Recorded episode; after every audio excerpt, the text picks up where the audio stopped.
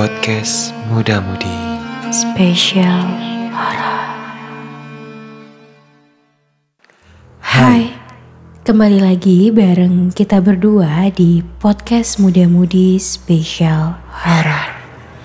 Bareng sama gue Zulfa atau Jupe. Dan tentunya masih ada gua Farid. Dan kita berdua pastinya selalu ada menemani kalian semua di malam Jumat bersama cerita-cerita horor yang mungkin ki- sudah kita kumpulkan atau juga dari pendengar-pendengar yang bersedia untuk menceritakan cerita horornya baik itu secara ra- langsung atau via telepon. Dan untuk pendengar yang mau berbagi cerita terkait pengalaman horor Boleh dikirim melalui email kami ataupun melalui Instagram di @pemudafm Di emailnya di kontak pemudafm@gmail.com Betul. Dan eh, pada episode kali ini mungkin mudah-mudi udah baca sendiri ya bagaimana judulnya. Dan malam hari ini juga kita kedatangan tamu yang bersedia menceritakan pengalaman mistisnya dia ketika dia mendatangi suatu tempat yang Pantai Selatan betul yang memang terkenal dengan cerita dan legenda mistis bahkan Betul. sampai saat ini menjadi bagian daripada kepercayaan orang-orang daerah sana ya terutama. Betul. Oke, langsung saja. Kita perkenalkan terlebih dahulu dengan saudara Umar ya. Ya. Sebelumnya apa kabar nih? Alhamdulillah keadaan sehat dan bisa sampai di sini. Eh, perjalanan gimana nih Umar? Alhamdulillah eh, lancar. Terus tidak ada kendala apa-apa. Lancar ya. Oke, sebelumnya Umar thank you banget sudah menyempatkan diri untuk hadir di studio Radio Pemuda FM khususnya untuk podcast Muda Budi Special Horror.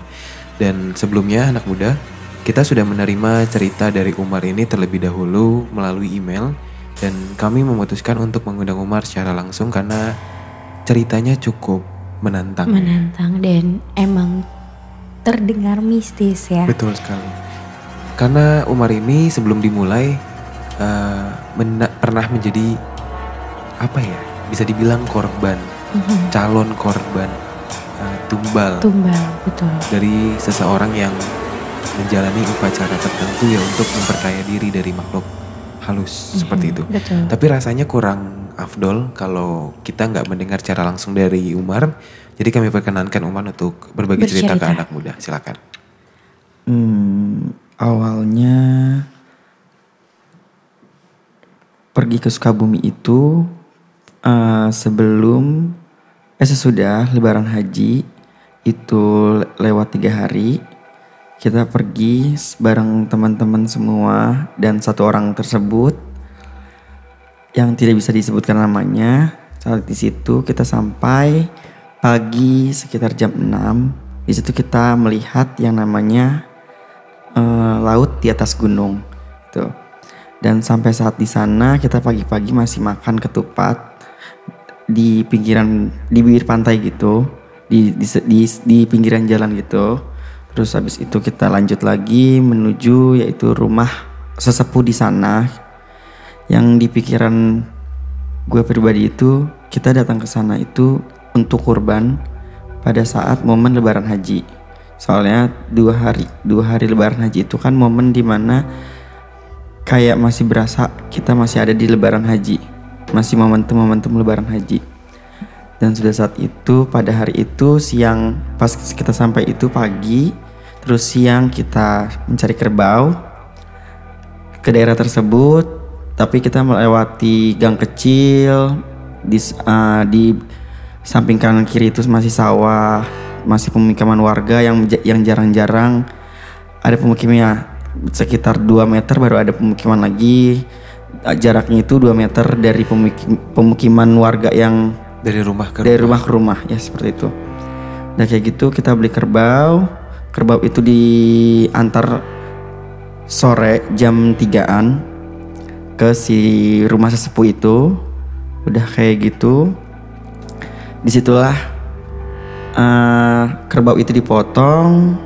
Terus saya menanyakan kepada orang tersebut untuk menanyakan kayak kenapa kaki kepala itu tidak dikorbankan juga Kaki kepala kur, kerbaunya Yes, tidak dikorbankan. tidak dikorbankan juga tuh tapi malah ditaruh nampan dan dibaluti oleh kain kain kalau bisa disebut kain kafan putih dan di situ ada minyak wangi yang buat mayat gitu sih.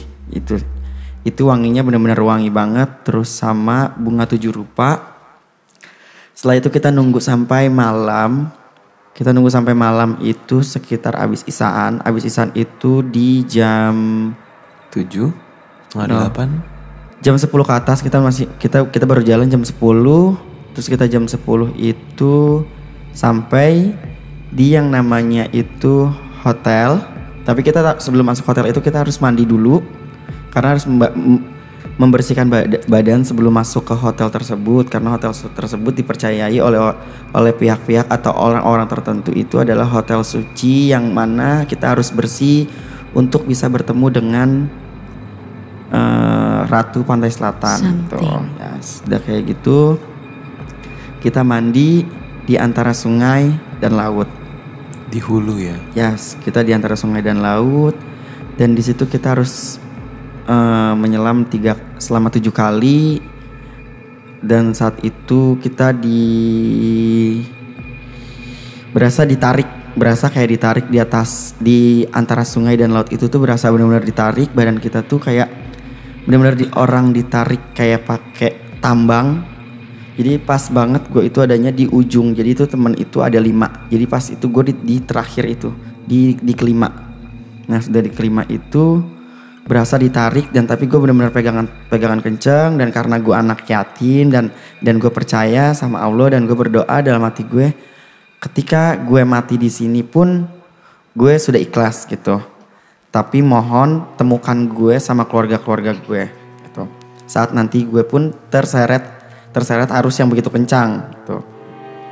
Dan kayak gitu nyelam tujuh kali gue pun langsung kita langsung diajak naik langsung diajak naik habis itu kita dari dari tempat tempat pemandian itu kita tidak jauh dari situ jarak jarak 3 meter atau 4 meter nyampe lah di hotel yang di mana hotel itu dipercaya pokoknya hotel yang ada khusus kamarnya itu kalau nggak salah itu kas kur- soalnya gue juga kurang kurang begitu melihat nomor si kamarnya tersebut sudah gitu temen Sorry sebentar gue potong.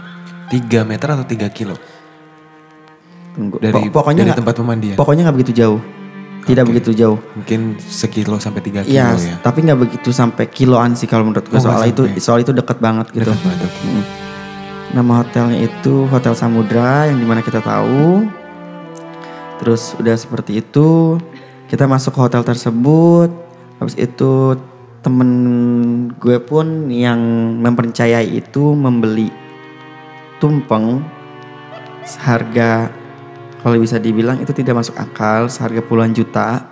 Mhm. Habis itu masuk dalam hotel, bawa tumpeng tersebut, masuklah ke kamar yang di mana itu semua serba hijau. Gitu. Walaupun gue ngeliat dari ujung pintu Lo gak masuk ke dalam kamarnya. dan gue nggak masuk ke dalam kamar, gue pikir ini udah aneh. Dari situ udah aneh. Pas gue masuk hotel itu udah aneh. Ada Jadi apa nih? selama lu datang sampai malam itu tiba di hotel lu nggak mikir ke mana-mana ya? Lu masih mikirnya itu bagian dari apa namanya upacara dari Lebaran Haji di sana Yes, gitu. gitu maksudnya pikir gue kan temen gue tersebut itu adalah mau meng- mau membuat kurban atau menyumbang kurban gitu setidaknya untuk orang-orang di sana udah kayak gitu masuklah ke kamar itu gue disuruh masuk. Cuma gue bilang untuk tidak masuk ke situ karena menurut gue itu sudah eh, tidak masuk akal. Mhm. udah tidak masuk akal. Terus udah kayak gitu gue disuruh masuk. Tetap gue nggak gue nggak bisa masuk ke sana. Sudah kayak gitu teman gue itu eh, keluar dari kamar itu dengan muka pucat udah kayak gitu dia tidak cerita apa apa ke gue dan gue pun juga udah nggak mau tahu terlalu dalam karena menurut gue kepercayaan seperti itu adalah orang-orang ter orang-orang tertentu yang mempercayai itu gitu. Dan memang ada ya. Mm-mm, dan memang ada habis itu sudah dari situ kita pergi yang namanya itu ke goa. Goa itu ada eh, tepat di bawah istana istana negara yang di mana ada di Sukabumi. Mhm. Tuh. Dan gitu kita masuk ke goa tersebut. Goa tersebut itu dari kita berdiri sampai kita nunduk. Intinya di situ adalah ada artinya bahwa kita memasuki yang namanya goa yang benar-benar dipercayai sama masyarakat di situ adalah goa tersebut saat kita berdiri dan kita bertemu seorang ratu itu kita mesti nunduk gitu.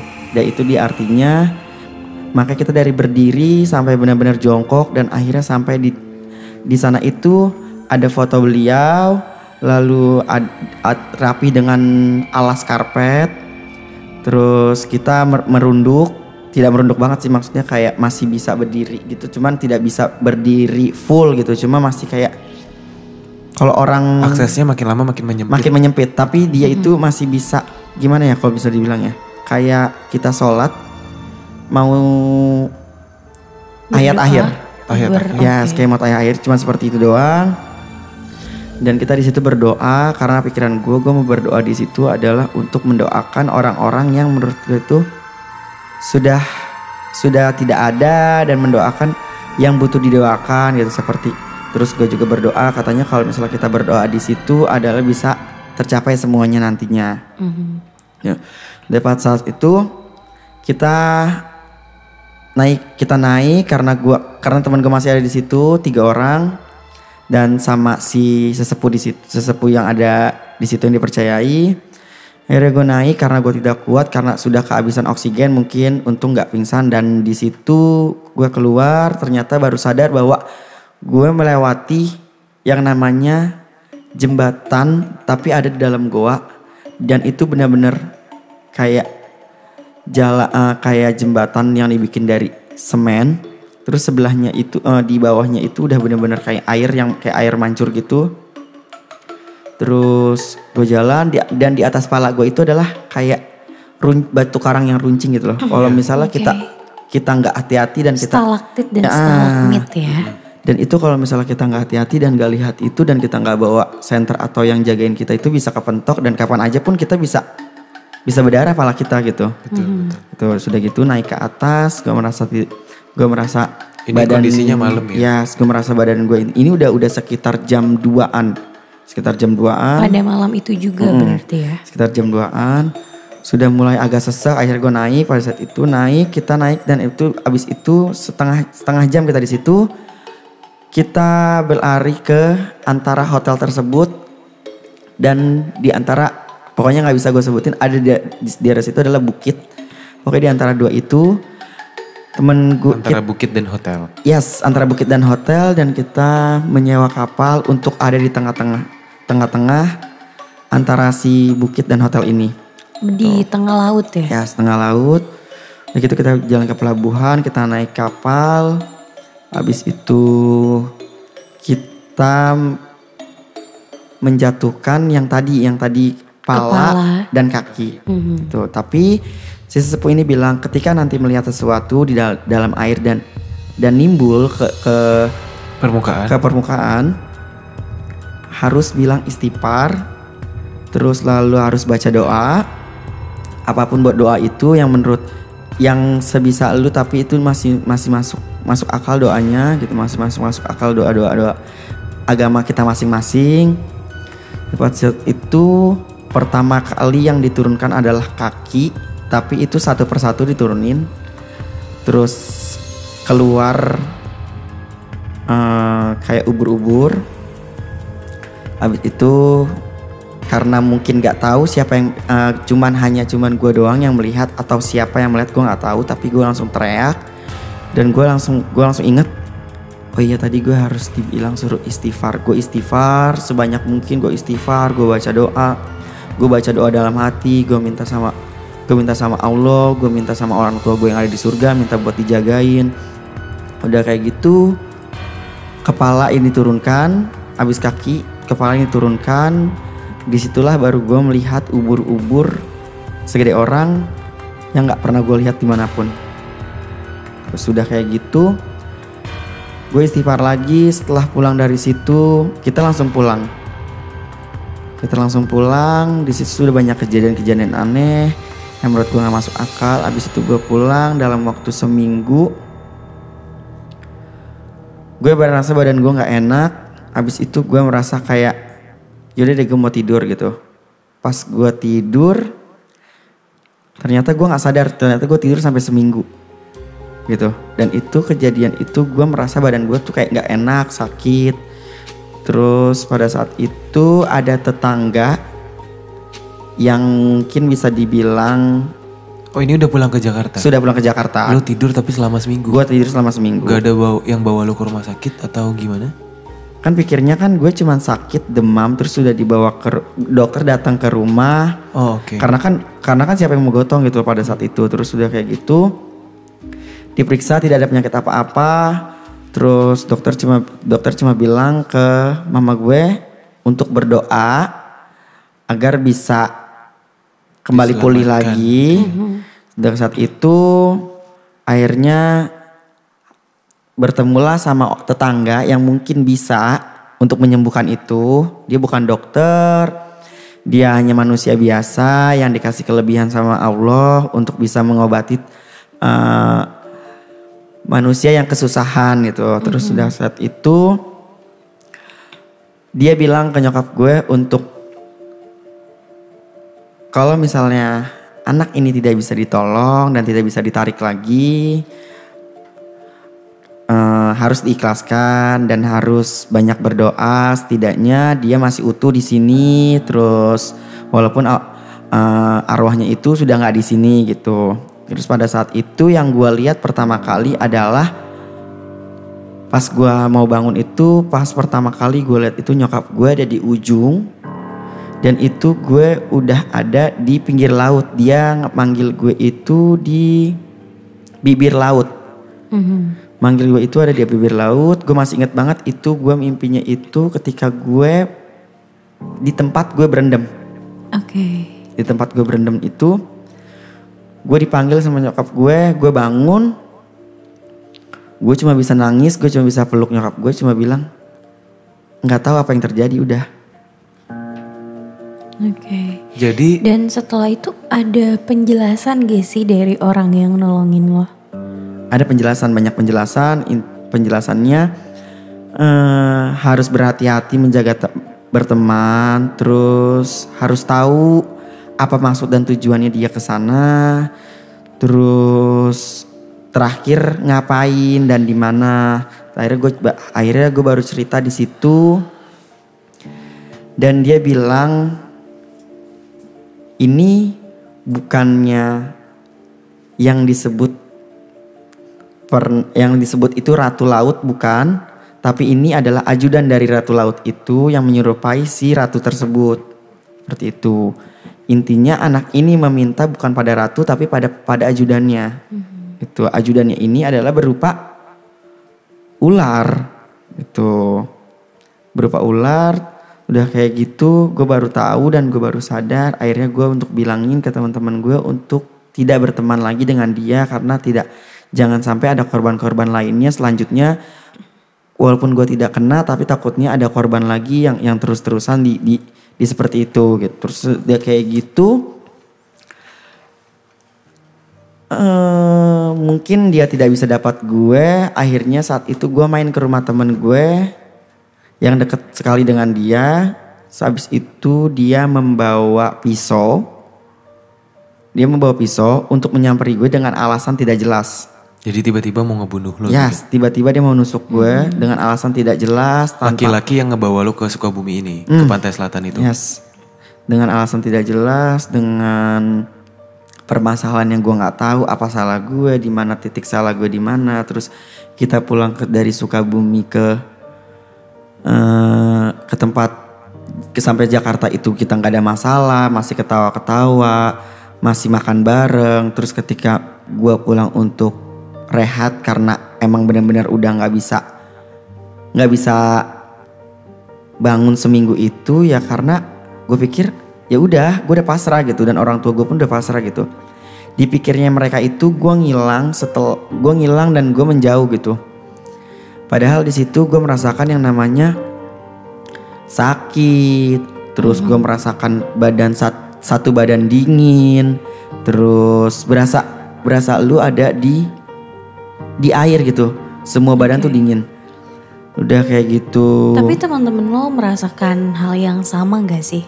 Pertama merasakan aneh, merasakan anehnya nih. Sebelum kita jalan pergi ke Sukabumi, itu ada bunyi di atas atap. Oke. Atap rumah. Yes, di atap rumah yaitu bunyi suara kereta jalan, kereta kuda jalan ya. Sorry, kereta kuda kereta kereta kuda jalan.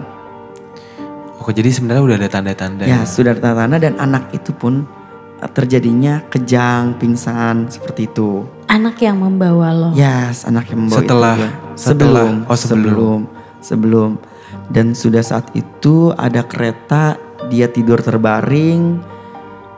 Ada suara kereta, kencang banget suaranya. Dia tuh benar-benar kayak, benar-benar kayak kita tuh lagi ada. Pernah dengar gak sih kayak kuda jalan sama keretanya? Mm-mm. Mhm. Dan itu ada kerincingannya. Mm. Semuanya mendengar teman-teman. Semuanya mendengar yang ada dalam kamar itu. Oke. Oke. gue mau tanya satu hal. Ketika lo di sana, lo kan ngelihat ubur-ubur yang gede banget ya. Nah itu lo doang yang ngelihat atau yang lain juga ngelihat? Dan setelah gue menceritakan itu, ternyata temen gue tidak melihat. Oh nggak ngelihat. Mhm. Itu hanya gue yang melihat. Hanya lo yang melihat. Yes. Padahal di awal udah dibilang ya. Di awal sudah dibilang siapa yang melihat ubur-ubur tersebut, kita harus baca doa dan istighfar. Gue sudah baca doa, gue sudah istighfar, gue sudah berdoa semaksimal mungkin untuk ya untuk menjaga-jaga agar tidak terjadi apa-apa. Tapi apa daya mungkin mungkin gara-gara mungkin gue kepo atau seperti apa ya. Jadi gue nggak ngerti mungkin kenanya di gue gitu. Gue pikir positifnya kenanya di gue dan ya harus sekarang harus bisa menjaga-jaga diri sih. Oke. Eh, gue boleh simpulin ulang nih ya ke anak muda yang mungkin masih kurang nangkep dengan ceritanya. Jadi by the way singkat cerita Umar ini eh, dibawa oleh rekannya ke Sukabumi untuk mengikuti upacara katanya upacara haji, kurban haji. Tapi ternyata mengikuti agenda acaranya justru malah tidak normal. Seakan-akan ada hal-hal tertentu yang ingin didapatkan oleh orang tersebut. Mulai dari berkurban yang kaki dan kepalanya tidak dibagikan ke masyarakat, justru malah dibuang ke laut di tengah malam. Kemudian harus ikut ritual ke dalam goa, masuk ke dalam hotel yang kamarnya juga terkenal khusus eh, makhluk tersebut. Em, kemudian singkat cerita pulang dari Sukabumi, sayur eh, Umar ini, Umar ini, Umar ini mengalami jatuh sakit selama satu minggu dan kemudian ditolong oleh orang pintar semacam tersebut. Dan kemudian eh, Umar dikatakan bahwa tadinya Umar dijadikan tumbal untuk eh, Ritual tersebut. tersebut. Mungkin untuk tujuan memperkaya diri atau lain sebagainya. Mhm. Tapi ternyata alhamdulillah puji syukur Umar bisa diselamatkan. Betul. Mungkin memang tidak ada makhluk-makhluk yang apa namanya bisa jadi muncul dan mempengaruhi psikologis kita untuk takut gitu. Tapi dari ceritanya kita dapat eh, pelajaran bahwasanya ternyata masih ada orang-orang yang Mempercayai menghalalkan tersebut. cara tersebut untuk tujuan tertentu. Mhm, betul Dan benar banget. kata Umar, eh, kita jadi lebih jaga-jaga ya dalam selektif memilih teman dan lain-lain. Oke, Umar ada yang mau ditambahkan lagi? Cukup. Cukup ya. Oke. Eh, setelah lo menceritakan ini, oke, tadi lo belum sebutkan itu di tahun berapa ya, Mar? Di tahun di mana 2015 16, 15. Tahun 2015. Berarti udah Sudah cukup sekitar lama, lima lima tahun. tahun yang lalu ya. lima tahun yang Setelah Kejadiannya. kejadian itu ada nggak sih dari orang pintar yang menjadi pantangan buat lo? ada Apa tuh? Tidak boleh menginjak laut sampai detik ini sampai gua nanti pun tua gua nggak boleh menginjak laut Oh itu pantangan itu pantangan Kalau lo melanggar, ya sudah oh, ada Mungkin- hal-hal yang gak diinginkan yes. ya. mungkin takutnya seperti itu lagi atau enggak gue mungkin tidak selamat. Eh sorry, gue mau ngobrol sama Julpah juga. Tapi thank you buat saya eh, Umar ya. Buat, Thank you, Umar ya. Thank you Umar Udah. buat ceritanya. Ceritanya. Oke. Em, gue nangkepnya gini, Peh. Eh, kan ada orang sesepuhnya bilang kalau misalnya ada yang ngelihat apa eh, makhluk tertentu, Mhm. lo nyebut aja gitu ya. Nah ya kebetulan cuman Umar nih yang ngelihat. Jangan-jangan memang sudah dipersiapkan. Sudah dipersiapkan Umar itu menjadi tumbal buat tumbalnya. ya. itu.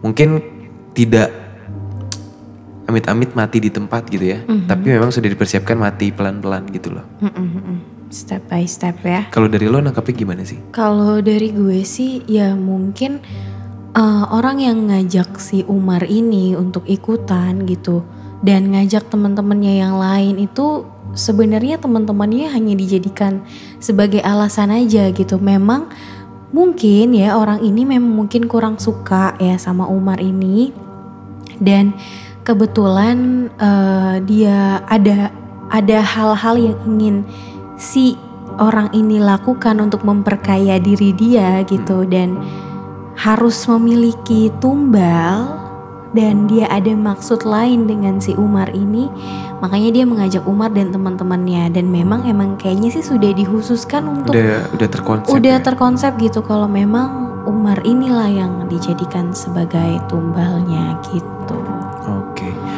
Gue sih nangkepnya gitu ya. Umar, satu pertanyaan terakhir dari Farid dan Jupe mewakili teman-teman Muda Budi Special Horror. Setelah kejadian tersebut, ada perubahan gak sih dari Umar? Misalnya jadi sensitif buat hal-hal mistis, misalnya kayak gitu, atau lebih cenderung jadi penakut, atau mungkin malah nggak takut sama hal-hal gitu? Takut sih sampai sekarang gue masih takut. Terus kalau untuk hal sensitif itu ada. Contohnya kayak tiba-tiba kalau misalnya gue melihat orang itu ada masalah atau melihat orang itu cenderung seperti ada yang jagain itu gue bisa gue bisa merasakan. Dan kalau gue bisa merasakan kalau ada orang yang datang di sebelah gue itu gue pasti bakal nangis. Entah nggak tahu Orang tanpa- apa nih yang nangis? tanpa ada masalah dan tanpa ada apa pun. Pokoknya kalau ada makhluk yang dat yang nempel di belakang Oh, oke. itu pasti gue langsung mengeluarkan air mata terus menerus sampai sampai dia pergi baru gue gue baru eh, tidak mengeluarkan air mata Oh itu tandanya ya. ya itu tandanya Sering sampai saat ini merasa? masih Kalau satu makhluk mistis yang paling lo takutin dari kejadian itu kira-kira apa? satu makhluk Iya.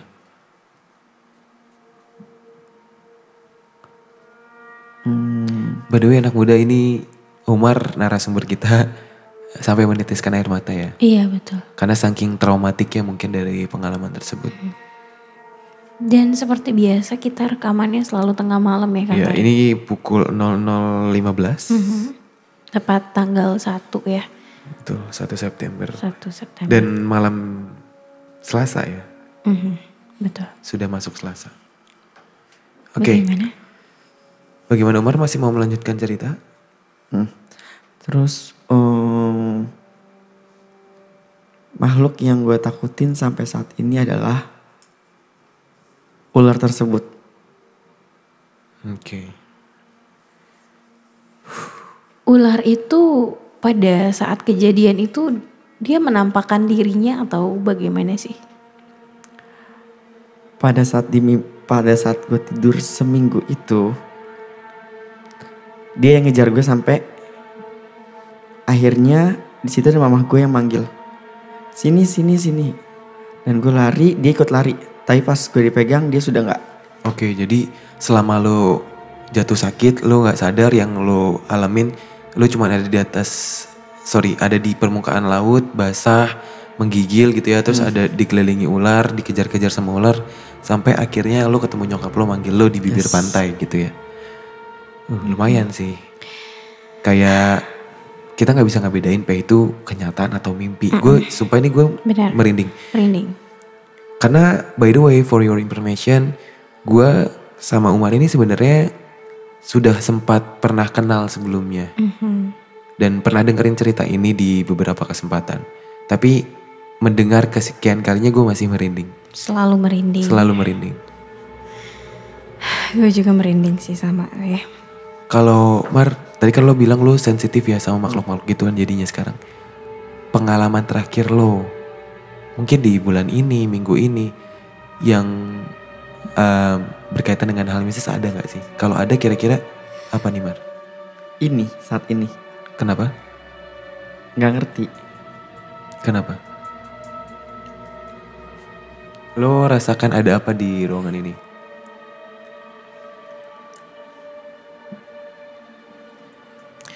Karena bukan hal yang baru, jujur. Eh, ruangan ini emang ruangan yang sudah berdiri bangunannya dari lama ya. Iya betul. Eh, bahkan dulunya adalah rumah dari nenek, kakek Mhm. dari Jupe ya, Pak. ya? Iya betul. Jadi memang auranya sangat kuat sekali di sini. Sangat nyaman karena kehadiran makhluk tersebut ya. Kita bisa bilang orang tua kita lah. Mhm. Oke, kayaknya Umar udah Udah nggak kuat udah cerita ya. kuat. ya udah nggak apa-apa ya.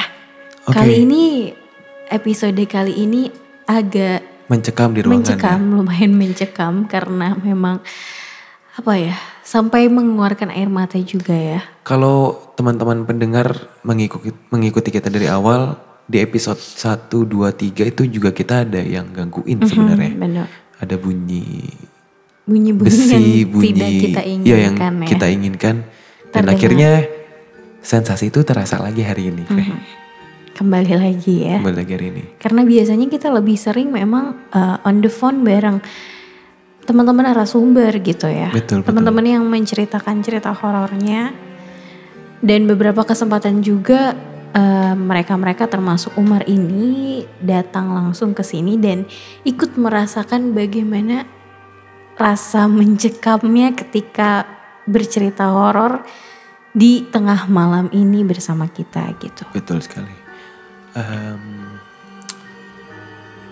gue mau mengucapkan makasih banget buat Umar karena sudah bersedia hadir sekali lagi berbagi ceritanya buat anak muda.